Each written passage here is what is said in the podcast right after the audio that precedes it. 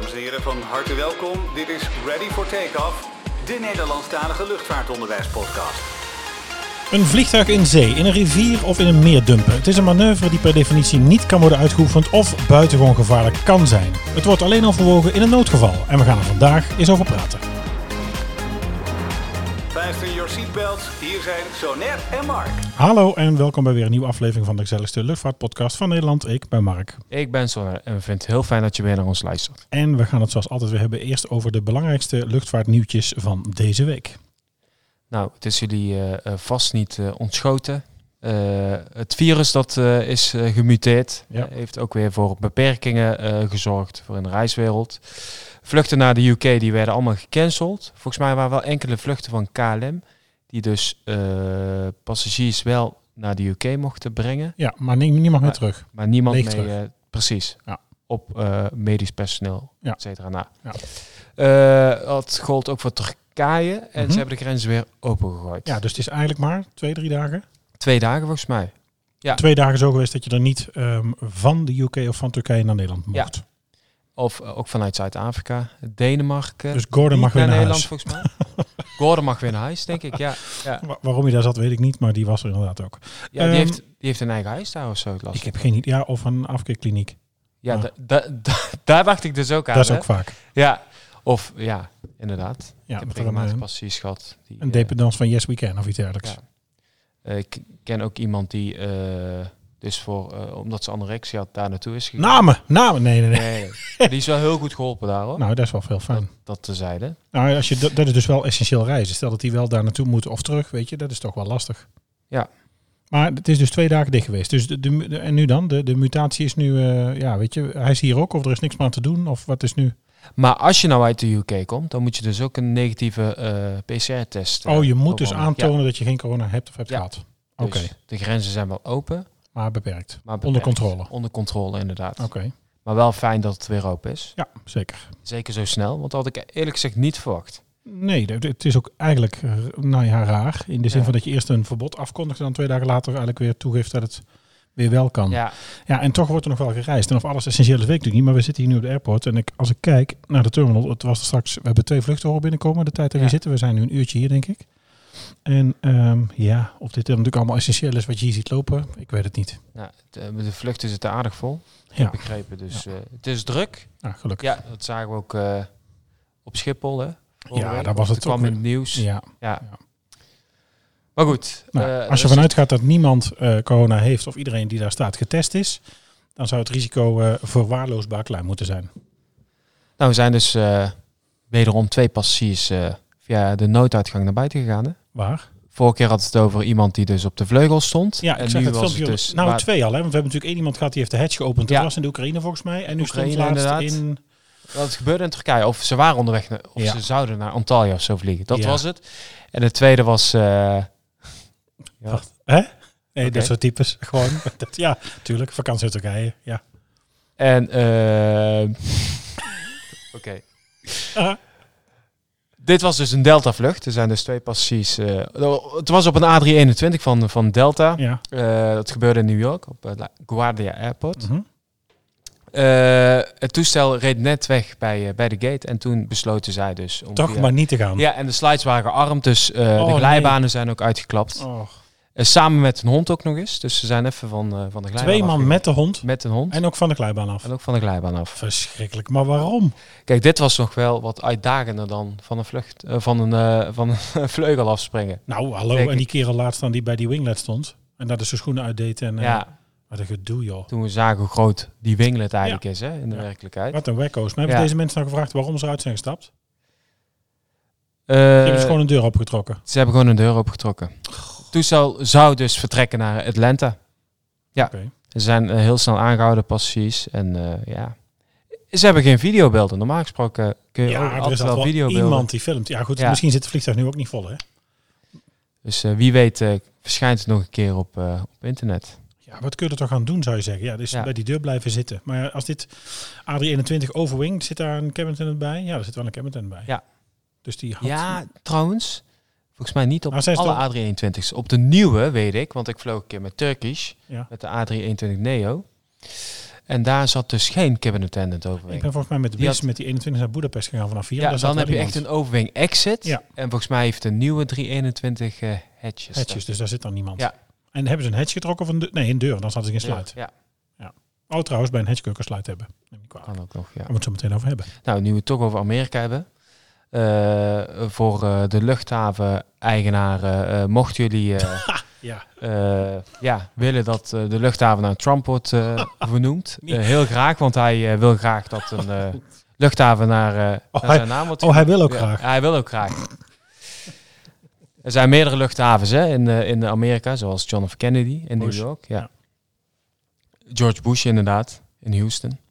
Ja, Ja, en hij wil dus ook dat, dat een van de luchthavens daar eh, vernoemd wordt. Nou, dit zou, dan, ehm, dit zou dan in de buurt van zijn woonplaats moeten zijn, hè, bij eh, Mar-a-Lago. Dus dat wordt dan eh, Florida. Misschien Orlando of zo, leuk. ja, Waar al die toeristen komen. Trump International. ben benieuwd. Nou, ik denk voor veel mensen reden om om te vliegen. Maar goed, buiten dit. Dat tezijde. Ja. Nou, gezien, aangezien eh, eh, vlucht of of de... eh, of, uh, kon gewoon niet uit mijn woorden. Kun je dit knippen? Maar dan moe. Knippen. We gaan helemaal niks knippen. Ik, ja, weet je waarom ik moe ben? Waarom? Komt omdat ik aan mijn scriptie, eh, of Oh, met mijn is- scriptie bezig ben. Ik ben zoveel op papier aan het zetten dat ik gewoon niet meer kan praten. Nee, Maar goed, het is, eh, we doen ons best. we doen ons best. KLM gaat dus met de A330 naar Londen vliegen om vracht te vervoeren. Ja, de- Ja. het vaccin denk ik.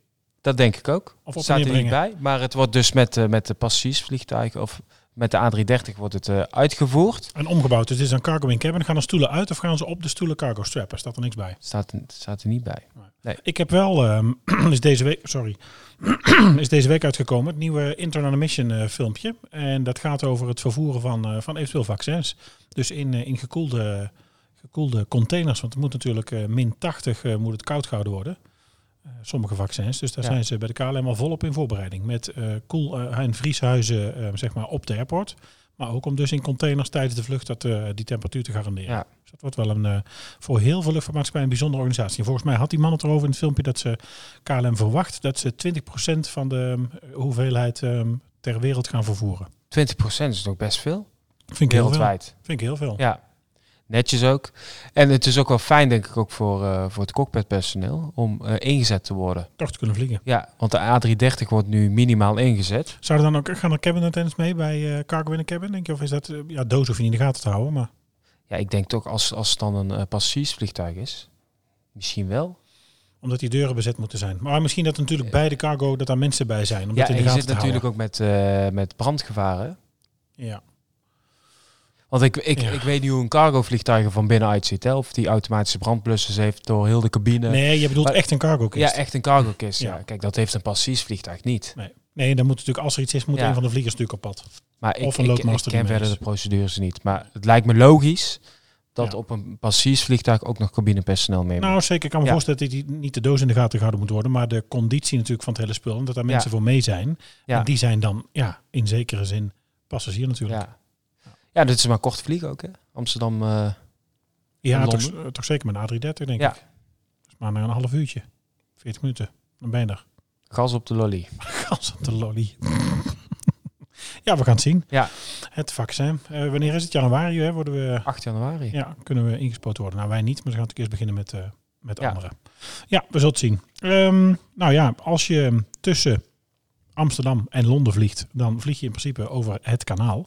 Dan zou het kunnen zijn, nou ja, dat is echt heel klein die kans, dat je in het kanaal terechtkomt. En ja, daar willen we het eigenlijk vandaag eens over hebben. Daar hebben we eerder nog niet, eh, nog niet naar gekeken. We hebben natuurlijk wel eens vaak naar safety features gekeken van vliegtuigen. We hebben wat gekeken naar procedures het afgelopen jaar. En ehm, we hadden het eigenlijk nog niet over ditje gehad, zoals het dan eigenlijk heet. Het, ehm, het landen in zee. Een vliegtuig in zee, in een rivier of in een meer ehm, ja, neerzetten. De laatste keer dat dat natuurlijk eh, waarschijnlijk bij iedereen op zijn, op zijn netvlies staat, of dat kan de laatste keren zijn, is natuurlijk eh, Flight 1549 met eh, Captain Sullenberger van de film Sully met Tom Hanks. Ik heb het nog gezien op Netflix. Maar hij Ja. staat volgens mij niet meer op Netflix. De Airbus van, ehm, even kijken, United? Nee, wacht nee even. maar van, eh, hoe heet het? Ehm, Jet. oh, wat erg. Was JetBlue? Nee, Nee. United. Het was United, 1549, ik zeg het net. Jezus, en ik ben niet eens met een scriptie bezig. United? Ja, het was United. Ja, en dan die... het eh, was een A320. Ja, dat wel. regional. Weet je, die blauwe onderkant met die lichte rode streep. Un United eh, Airways. Ja, United 1549.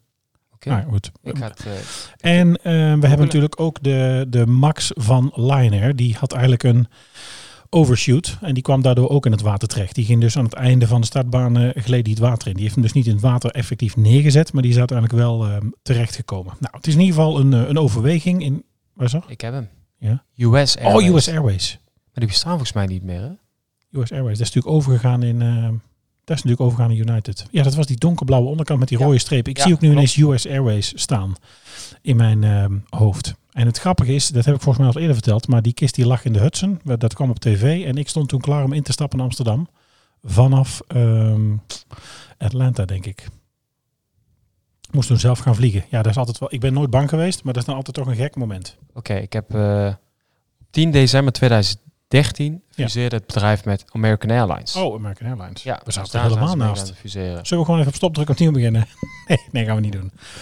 we gaan het dus hebben over, eh, over ditje. Landen in zee. Ehm, een, ehm, zoals dat dan heet, een, ehm, een fixed wing. Dus een, eh, eh, een, een vliegtuig eh, waar de vleugels aan vastzitten. We hebben het dus niet over rotary ik heb het niet over helikopters. Maar je doet het dus, ja, wanneer overweeg je dit? Als je de baan niet kunt bereiken. Als er een brand aan boord zit die niet stopt of steeds groter wordt. Of als er een, ehm, ja, echt een emergency is met de kist. en je dus geen vliegveld meer kunt bereiken. Vandaar dat ik in het begin ook zei, weet je, je gaat echt zelden of niet meemaken dat je mm, tussen Amsterdam en Londen in het kanaal terechtkomt. Want daar is natuurlijk altijd een, ehm, een vliegveld in de buurt. Nou, men eh, moet op een aantal dingen letten. Daar gaan we het zo meteen ook wel eens eventjes hebben, eh, even over hebben. Maar wat je bijvoorbeeld, ja, wat heel belangrijk is, en toch zeker als je hem in de zee neerzet, is ook wel de sea status of de sea state. Ehm, hoe dus het zeetje erbij ligt. Grote kans dat een vliegtuig eh, namelijk niet gewoon blijft liggen. En hij zou natuurlijk wel kunnen zinken. Nou, een groot vliegtuig met vaste vleugels ehm, die in aanraking komt zeg maar, met het wateroppervlak. Ja, daar krijg je dus echt wel beschadigingen van. Anderzijds, als je er eenmaal ligt, en dat heb je bij die US Airways vlucht gezien met, ehm, eh, met Sully. Captain Sullenberger, die bleef eigenlijk eh, ja, best wel drijven. Mensen hebben ook op, nog op de vleugels gestaan en zijn vanaf daar opgehaald. En eh, hij is nog naar de kant gesleept. En dan zag je de cockpit ook nog boven drijven. Dat toestel staat ook ergens in een museum. Ja, is bewaard. En wat ik net zei, ehm, eh, United 1549, dat is de gekaapte vlucht op eh, 11 september. Dat is niet die US Airways kist. Ik zat met twee ongelukken even door elkaar. Ja, dat was van I- Ethiopië. Een 767 kan ik me herinneren. Ik heb veel Echowash Investigation gekeken. Ja, maar nou wordt het echt een puinhoop. Nou, dit is weer een live redactievergadering. Nou zitten we hier weer... 767 weet ik zeker. Was van Ethiopië. Nee, het was toch United 1549? Wat was dat dan, 1549? Zoek dat eens op. Dat is toch die kist die in het Pentagon is gevlogen? Die ook nog rondvloog, die eigenlijk in het Witte Huis had gemoeten. 15, Maar daar, is, 49. daar zijn de passagiers, eh, hebben de, de, hoe heet het? De Nee, gijzelaars de- overmeesterd. 1549, dat is de US Airways vlucht. Oh, US Airways. Dus Ja. niet United, maar US 1549. Ja. Godsamme. Kwam er niet meer uit. Maar er is dus ook nog een 767 gekaapt. Ja. eh, dat uiteindelijk dus in het In water is Pentagon? gecrashed. Nee, in Pentagon toch? Maar ook in water. Dus, Hoezo ook in water? nee, maar dat is dus ook nog een 767 van Oh, nog een kist. nog een kist, ja. Oh, dus eigenlijk vier. Twee in de torens, één in het Pentagon en nog één in Philadelphia ergens of zo. eh, Nee, dat, nee. ik weet niet waar dit was, maar eh, Ja, dat- de- ja, het, het staat op YouTube. We zullen het filmpje delen. Jezus. Ja. Ja. dat zeg jij weer. Dan kan ik het er weer bij gaan zitten zoeken. Lekker dan. Ik ga het voor je bijzoeken. Oh, fijn.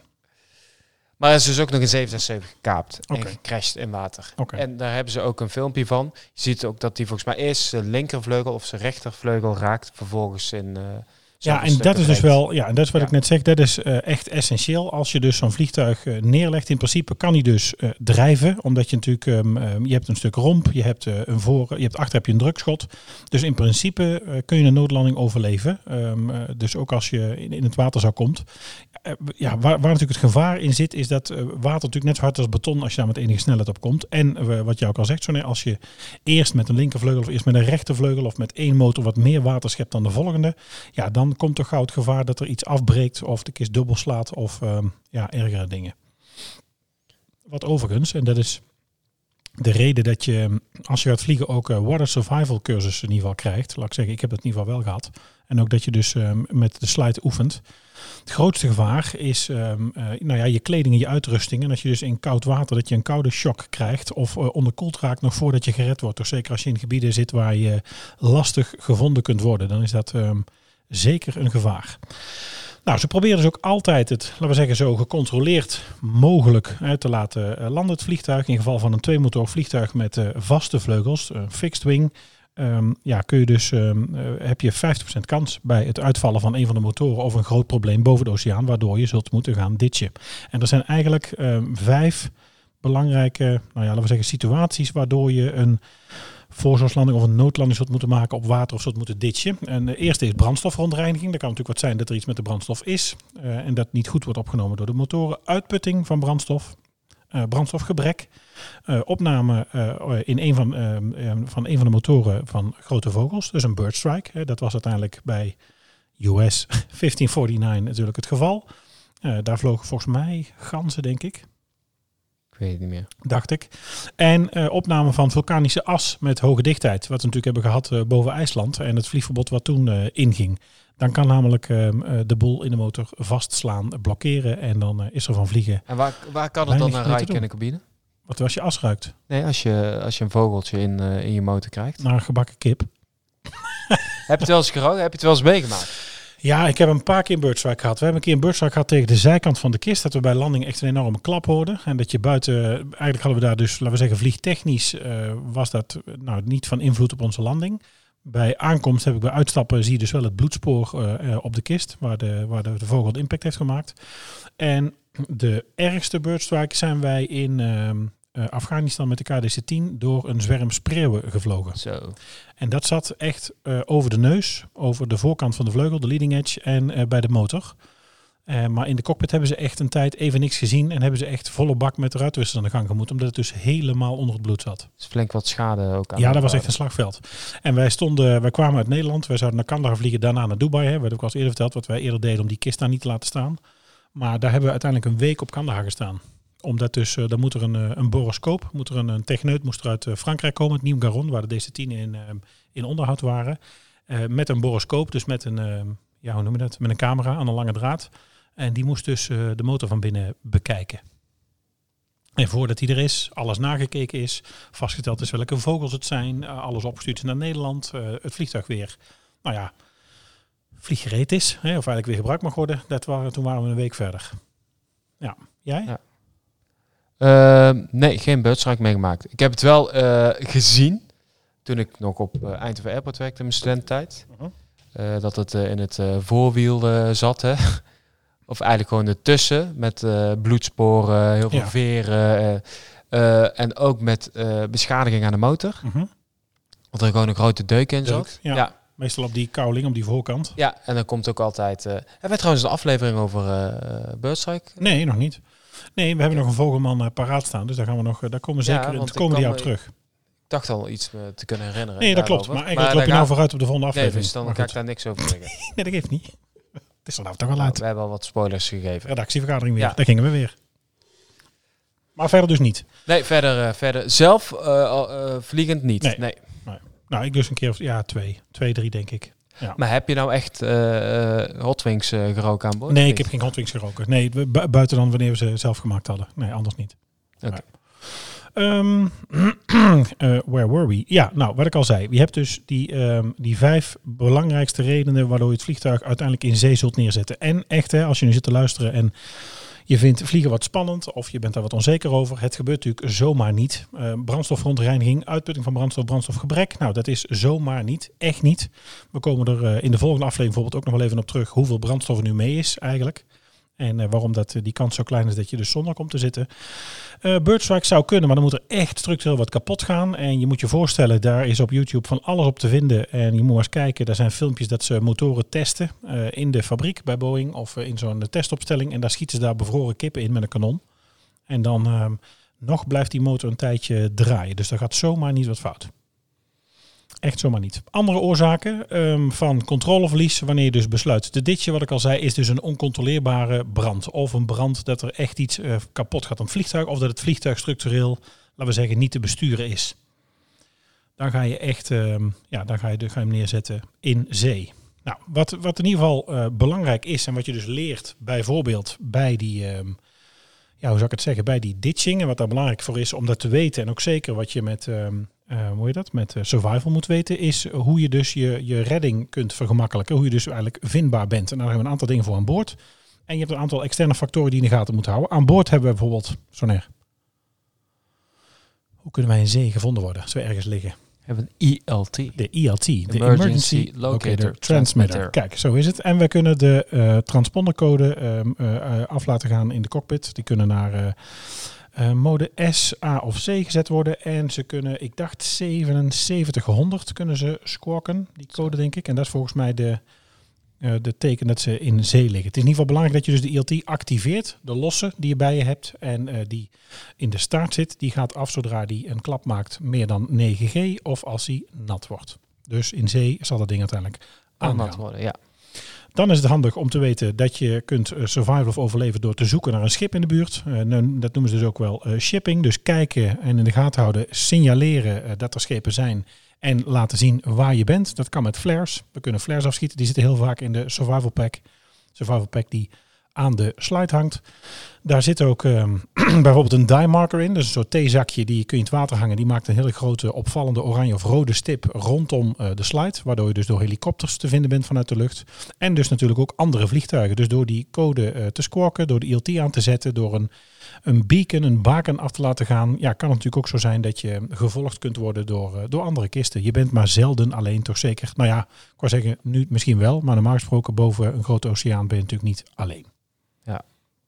Ehm, Lijkt me toch wel eng. Wat zeg je? Oceaan neerstorten. Ja, dat is zeker eng. Ja. Straks overleef je de crash, word je opgegeten door eh haaien. Haaien, komt hij weer. Daar gaan we weer. Had Ja. ik laatst met, met de maat erover. En eh, hij zei, ja, vind je dan niet eng op, op eh, zoveel kilometer hoogte en als je dan over de oceaan vliegt en... ik zeg, ja, weet je, ik vind het niet eng, maar als ik daar te veel over na ga denken, dan, dan begin ik het wel een beetje eng te vinden. Ja, Maar, eh, dat is met veel. Ik zat gisteren met de kinderen Zep te kijken van een klokhuis. En dan gaat het over de, de zon. En hoe de zon werkt, hoe groot die is, waar die staat en welke planeten er omheen draaien. Ja, als ik te veel over het heelal ga nadenken, dan moet ik ook spugen. ja. Maar goed, daar, daar, ja, daar gaat het even niet om. En, gek is wel, daar hebben we het volgens mij ook al eerder over gehad. Mensen vragen dan wel eens, ja, ben je er niet bang? Ik heb als nagedacht over duiken. Ik vind snorkelen heel leuk. Duiken zou ik ergens nog wel eens willen proberen. Maar het gevoel niet terug te kunnen of zo diep te zitten, is dan toch gek. Terwijl je eigenlijk, ja, dat is dan gaat over 10 meter, noem maar wat. Maar 10 kilometer boven de lucht, of boven in de lucht, vind ik niet erg. Ja. En 10 meter onder water, dan word ik ineens bang. Dat is natuurlijk raar. Ja. Dat geeft dus ook aan dat fear of flight, hè, angst zit dus vooral in het onbekende vaak. Het niet weten. Ehm, dat ditje. We gaan natuurlijk eens even kijken naar ehm, wat er ehm, moet gebeuren met dat vliegtuig. Vliegtechnisch en ook een beetje in de cabine. Heb ik een beetje opgezocht in allerlei eh, manuals en op sites en, eh, en eh, bij, IATA, bij EASA online en zo. Ehm, wat belangrijk is, is dat ze de power on houden. Het vliegtuig moet aan blijven staan. Dat wil zeggen generators, dat je dus wel stroom houdt. Dat een aantal dingen blijven werken. Wat handig zou kunnen zijn, is nog wat fuel dumpen. Dus je moet het reduce aircraft weight, staat er in alle manuals. Er moet dus zoveel mogelijk gewicht weg om te zorgen dat je zo lang mogelijk zou kunnen blijven drijven. Luister, dit is natuurlijk niet belangrijk als je met de Hudson neerzet waar volop schepen zijn en je eigenlijk binnen een kwartier, tien minuten op de kant kunt staan. Maar het is natuurlijk wel van belang als je, laten we zeggen, op je point of no return boven de Atlantische Oceaan eh, eh, naar beneden komt. En dat je daar dus iets langer zou moeten drijven voordat ze bij je zijn. Ehm, eh, eventueel boeien maken, drijvers maken, dat soort dingen. Maar daar komen we zo meteen bij de cabine ook nog wel op. Eh, wat belangrijk is sowieso voor landen, is over het algemeen dat de configuratie van het vliegtuig moet zijn qua gear, is dat het gear up is. Het gear moet dus naar boven zijn, oftewel je moet zoveel mogelijk als, nou ja, laten we zeggen als boot proberen te landen. Geen wielen die uitsteken, want daar kan eh, de boel van afbreken. En dat komt natuurlijk water tegenaan, dat veroorzaakt eigenlijk drag, zo zou het kunnen zien. En dan gaan er spullen breken. Ehm, Flap wordt over het algemeen gezegd de hoogste configuratie aan flaps, maximum deployment. Eh, daarmee kun je dus, heb je een hoog drijfvermogen, dat wil zeggen op de nog lucht hè, eh, eigenlijk met weinig snelheid. En je hebt ook een hoog drijfvlak natuurlijk als je plat ligt op het water uiteindelijk. Ehm, vliegtuig met een propeller. Nou, daar moet je kijken dat je de passagiers eh, beschermt. Daar moeten uiteindelijk de propellers moeten uit, omdat het natuurlijk kan afbreken en naar binnen kan slaan. Dus dat wil je natuurlijk ook niet hebben. Nou, dan moet er natuurlijk een eh mayday uitgaan. Een distress call eh, wordt dus eh, op alle beschikbare frequenties uitgegeven. Eh mayday, mayday, mayday of pan, pan, pan wordt natuurlijk geroepen. waardoor je dus ook weer te horen bent en dat je laat weten aan alle collega's. Het gaat niet zo goed met ons.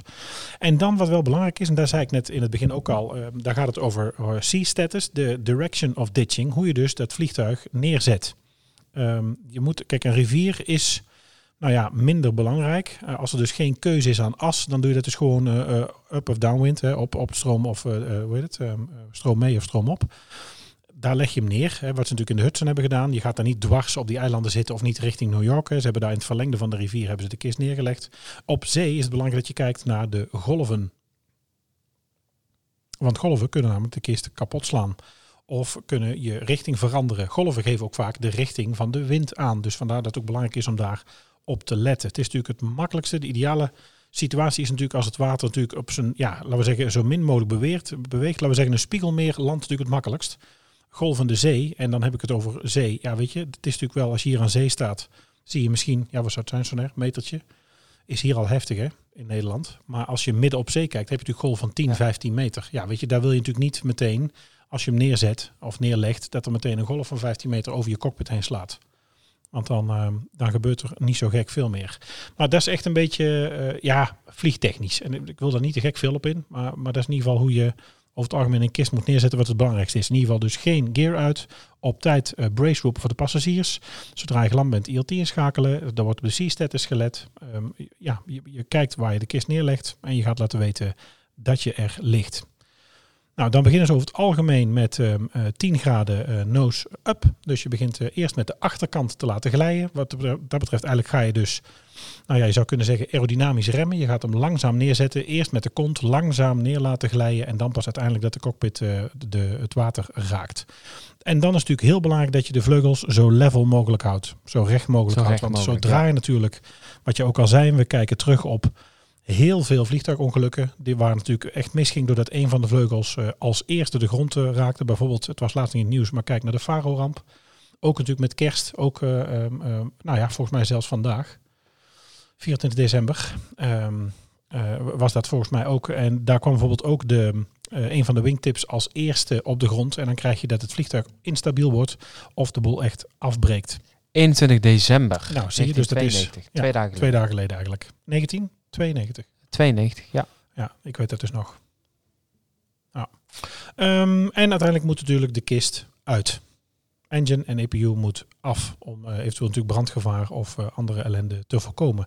Maar wat doen we in de cabine in de beschikbare tijd? Zo Want dan moet natuurlijk ook de cabine voorbereiden. Wat kunnen we daar allemaal doen? De passies uh, voorbereiden. Bij een ditch. Bij een ditching inderdaad. Ligt eraan hoeveel tijd je hebt, hè?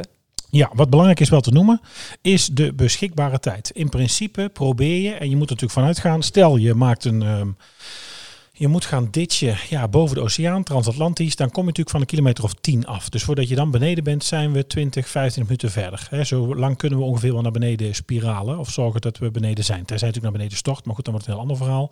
Zodra er beschikbare tijd is, kun je passagiers en de cabine voorbereiden losse items vastzetten. Uh, vooral in de cockpit moeten ze zorgen dat er niks gaat rondvliegen en niks uh, de boel kan, uh, nou in ieder geval de vliegers kan verwonden of door ramen kan of zo. En ook dat je niks kapot maakt, dat er zomaar geen water binnenkomt. Ja. Want in principe is het vliegtuig natuurlijk luchtdicht, als het op druk staat, in ieder geval voor een groot deel. Dus zodra je landt, het eerste contact met water zal die even drijven en loopt die echt niet meteen vol. Ja.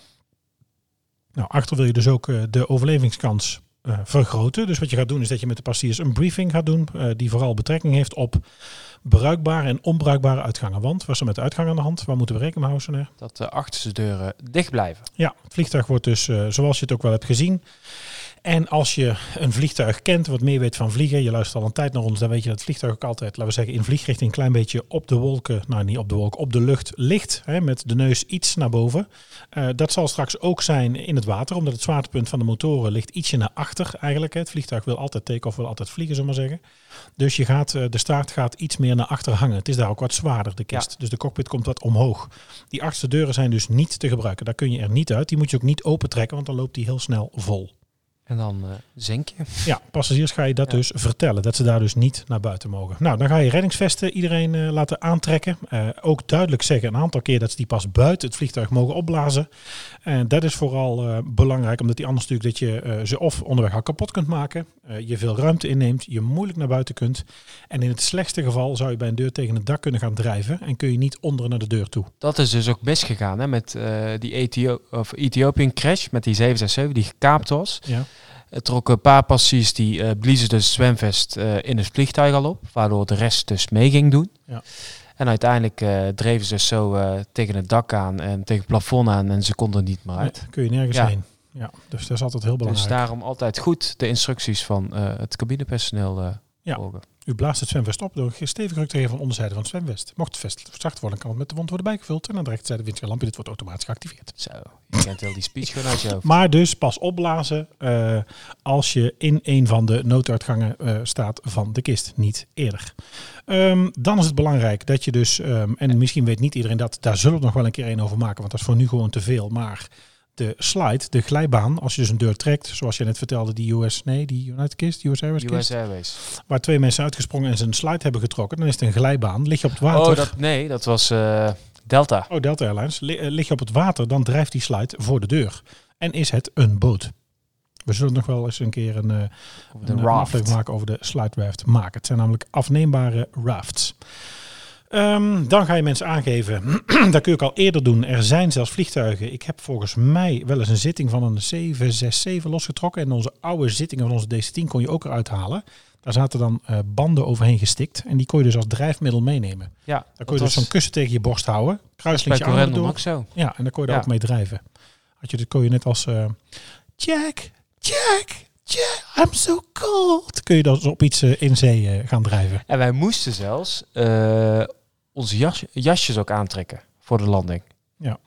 Voor het geval dat we op water zouden landen. Wij moesten het sowieso doen, ook niet als het niet op water was. Als je van de slide springt, kun je namelijk ook brandwonden krijgen. Ja. Ja, uniform compleet, scherpe dingen eraf. Dus je gaat ook passagiers vragen, brillen blijven achter, naaldhakken blijven achter. Er gaat niks scherps mee naar buiten, er mag geen handbagage mee. Ehm, je laat ze zwemvesten aantrekken. En zwemvesten mogen pas opgeblazen worden staand in een van de nooduitgangen. Behalve, Soner, Behalve het zwemvest van wie? van de kinderen, van de baby's. Wanneer mag dat opgeblazen worden? Niet. Nee. Wanneer blazen we baby's op? Nee, dat doen andere organisaties in deze wereld. Maar we blazen Dat- het zwemvest op. Ja, dat mag al eh, in het vliegtuig na de crash. Bij het evacuatiesignaal. Ja. Zodra dus evacuate, evacuate geklonken heeft en het eh, schelle piepje afgaat, dan mag je bij een kind waar je mee reist, een baby die bij jou op schoot zat, mag je het zwemvest al activeren en dan naar buiten en dan blaast die van jezelf op. Maar wel pas na de crash. Ja. Na impact. Brace, brace, brace. Ehm, dan is het belangrijk dat het personeel de evacuatie start zodra het vliegtuig nou, tot stilstand is gekomen of stil ligt. Ja, wat ik al zei, verwachting houding is dus eigenlijk altijd met de neus omhoog, waardoor de achterdeuren nooit bruikbaar zijn voor evacuatie. En eh, koppen waar mogelijk ook eh, de vlotten zo meteen aan elkaar buiten, eh, waardoor je dus een, een doelwit bent, makkelijk doelwit bent om, om gevonden te worden. Zo kun je dus namelijk alle zoeken, zoekende partijen helpen dat de kist in ieder geval weer gevonden wordt. Nou ja, overleven. Jij zei het al. Kijk, wanneer kom je haaien tegen? Nou, die kom je niet zo heel vaak tegen. Er zijn wel overigens rampen geweest waar je gehoord hebt dat er haaien tegen de boot hebben gebotst. Of aan de onderkant. Omdat ze natuurlijk gewoon komen, ja, laten we zeggen, Ja. testen. Kijken wat het is. Maar eh, ja, overleven na een noodlanding eh, is natuurlijk wel waar personeel allemaal voor getraind is. Het vraagt leiderschap. Het vraagt een sterke mentale houding. Eh, je moet natuurlijk kijken, ja, hoe lang gaat het duren? Mensen een taak geven.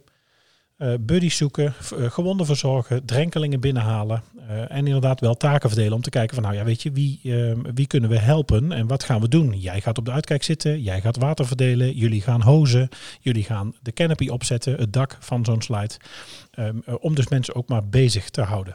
Nou, wat ik al zei, de ILT moet natuurlijk aan. En ehm, eigenlijk kort zou je kunnen zeggen, en dat staat in veel manuals, ik heb een beetje een samenvatting gepakt van wat ik allemaal kon vinden. Ehm, eh, in principe de cabin prep, de cabin preparation is ehm, identify able-bodied persons, de ABP, assistent passagier. Mocht het nodig zijn, een able-bodied passenger, een passagier die jou gaat helpen mocht jij uitvallen. Of jou in ieder geval ondersteunt. Eh, die moet gebriefd worden. Eh, dan ga je mensen mee naar de rafts toe nemen. Je gaat ze zien hoe je ehm, eigenlijk de deur opengooit en de raft, de raft activeert. Ehm, hoe de deur werkt. En dan ga je uiteindelijk de cabine controleren. Nou, en dan maak je weer die, eh, laten we zeggen, die combo checks zoals we studenten hier op school ook leren. Seatbacks upright position, eh, seats tracked en en approved positions, tow tables, remove dangerous object from passengers. En dan moet dus inderdaad, wat ik ook zei, en waar gaan mensen dat laten? Dat vragen mensen hier ook vaak, studenten hier ook vaak. Als je dus met passagiers reist die scherp voorwerp moeten verwijderen, je gaat dat zelf ook doen. Staand in een van de gangpaden. Dat is de reden dat we hier nog steeds eigenlijk met de hand ook wel leren te demoen. Eh, iedereen heeft natuurlijk tegenwoordig leuke filmpjes. Uh, volgens mij Nieuw-Zeeland heeft leuke filmpjes. Virgin Ja. heeft leuke filmpjes. KLM heeft een mooi filmpje met die tegeltjes en dat Delft blauw. Maar je moet op de hand nog kunnen demoen als elektrische systemen uitvallen. En als je passagiers echt gaat voorbereiden op een noodlanding, ga je zelf met ze meedoen. En ga je alles meestal twee of drie keer doen of laten doen. En ga je Ja. dus zelf ook scherpe voorwerpen ver- verwijderen en afdoen. Eh, eventueel bij brand ook je haar nat maken, ook je panties uittrekken. Dat, dat doe je allemaal al ter voorbereiding. Ik vind dat een hele leuke training als, ik, eh, als we dat gaan oefenen. Om dat te doen. We hebben jaarlijks een eh, recurrent. Ja. En dat komt dan weer elke keer, elke keer weer terug. Het is toch wel uitdagend om het... Ja, dat het dan weer goed lukt. Ja. Ik vond het ook altijd heel spannend. ja, het blijft... Je voel, ondanks dat je weet dat het een oefening is, Ja, je dat voelt is- de spanning. Nee, dat is. Ik heb toch ook al verteld dat ik. Ik heb ook zo'n. ehm zei ik volgens mij vorige keer bij de agressie, omgaan met agressie. Ik had echt een trainingsactrice vast. En die zei op een gegeven moment ook echt. Oh, laat maar los, want je doet me nou echt zeer. Dus je gaat er echt voor. Ja, ja, dat is heel ja. gek. Eh, maar waar mensen alles laten, eh, bijvoorbeeld eh, zonnebrillen. nou, jij doet je wings af, pennen weg, dat soort fratsen. En dat doe je allemaal gewoon in de stoelzak. En dat blijft dus ook allemaal achter. Helaas. Soms worden er zijn maatschappijen die kiezen ervoor om met duct tape alle eh, deurtjes, alle sliding doors in, eh, in de galley eh, af te sluiten. En over het algemeen wordt natuurlijk altijd, en dat zie je natuurlijk bij, altijd bij landing altijd wel doen, de lichten worden gedimd in de cabine. Waarom is dat? Om je ogen alvast aan donker eh, te laten wennen en de noodverlichting Ja. te kunnen volgen uiteindelijk. Ja. Mocht het aangezet eh, worden. Dat je weer goed alles kunt zien. Ja. En ook vaak de raamluikjes omhoog, dat je echt buiten kunt kijken.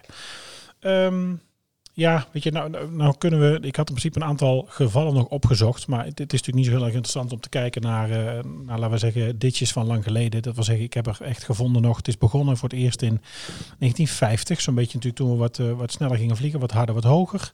Eh, er is nog een Super Constellation in 60 eh, in de zee geland. We, er zijn wat Tupolevs geland. Eh, DC-9's in de 70 jaren. De eerste 767, dat was in november 1996. was een Ethiopian Airlines kist. Die zat in de Indische Oceaan eh, bij de Comoren in ja, de buurt. Dat was die 7.6 waar ik het over had. Ja, die, eh, dan nog een, een 7-3 in 2002 van Garuda. Eh, we hebben nog een Fokker Friendship, een F27 in ehm, 2002. En dan komen we zo al dichter natuurlijk bij, bij nu uit. Nog een Antonov, 2011 nog een Antonov. een Russisch kistje. Ehm, maar dat wil zeggen een ditch. Daar zijn natuurlijk ook wel andere redenen om het toestel in het water neer te zetten, dat ze in het water terechtkomen. En dat bedoelde ik mee die, als je een under of een overshoot hebt. Hè, wat natuurlijk die, ehm, die liner kist had. Ja. Ja. Nou, we hebben denk ik wel een beetje kort even ditje aangestapt, gewo- eh, aangestipt. Gewoon eens even, wat is nou ditching? Hoe bereid je die cabine voor? Wat doen ze met het vliegtuig? Is er overlevingskans? Nou, dat is er inderdaad zeker. Ja. En ik denk dat we in een, eh, in een volgende aflevering er nog eens op ingaan. eh, echt hoe het survivalen gaat op het water. Eh, wat we daar leren. wat we even ehm, eh, aan ervaringen kunnen delen over slide training. En, en ook dus het uitleggen over de slide raft. En eigenlijk alle ja, features die dat ding heeft. Want dat is gewoon best wel een, een aflevering waard, denk ik. Zeker wel. Vind jij niet? Nou, gaan we nu denk ik eh, aan eh, de kerstdis. Het is, eh, als je dit hoort, eh, 24 december. Vanavond is het kerstavond. All You Need Is Love is weer op tv, denk ik. Met mensen die uit de wereld overal heen worden gevlogen. We hebben niet meer de, de, de bekende stewardessen dansen. Nee, we hebben de dansje niet gedaan, want dat kunnen we natuurlijk hier niet doen op school met, eh, met de afstand. Maar het is niet anders. Nou, rest ons eigenlijk je een hele fijne kerst te wensen. Fijne als je het viert. feestdagen. Fijne feestdagen. Eh, bedankt voor het luisteren. Reageer nog eens op de socials bij ons. Ready for Takeoff Pod op eh, Instagram. At take underscore ready op Twitter. En tot volgende week. Volgende week. Dit was Ready for Takeoff. Denk aan je persoonlijke bezittingen, volg ons op onze socials, vergeet je niet te abonneren en tot de volgende keer.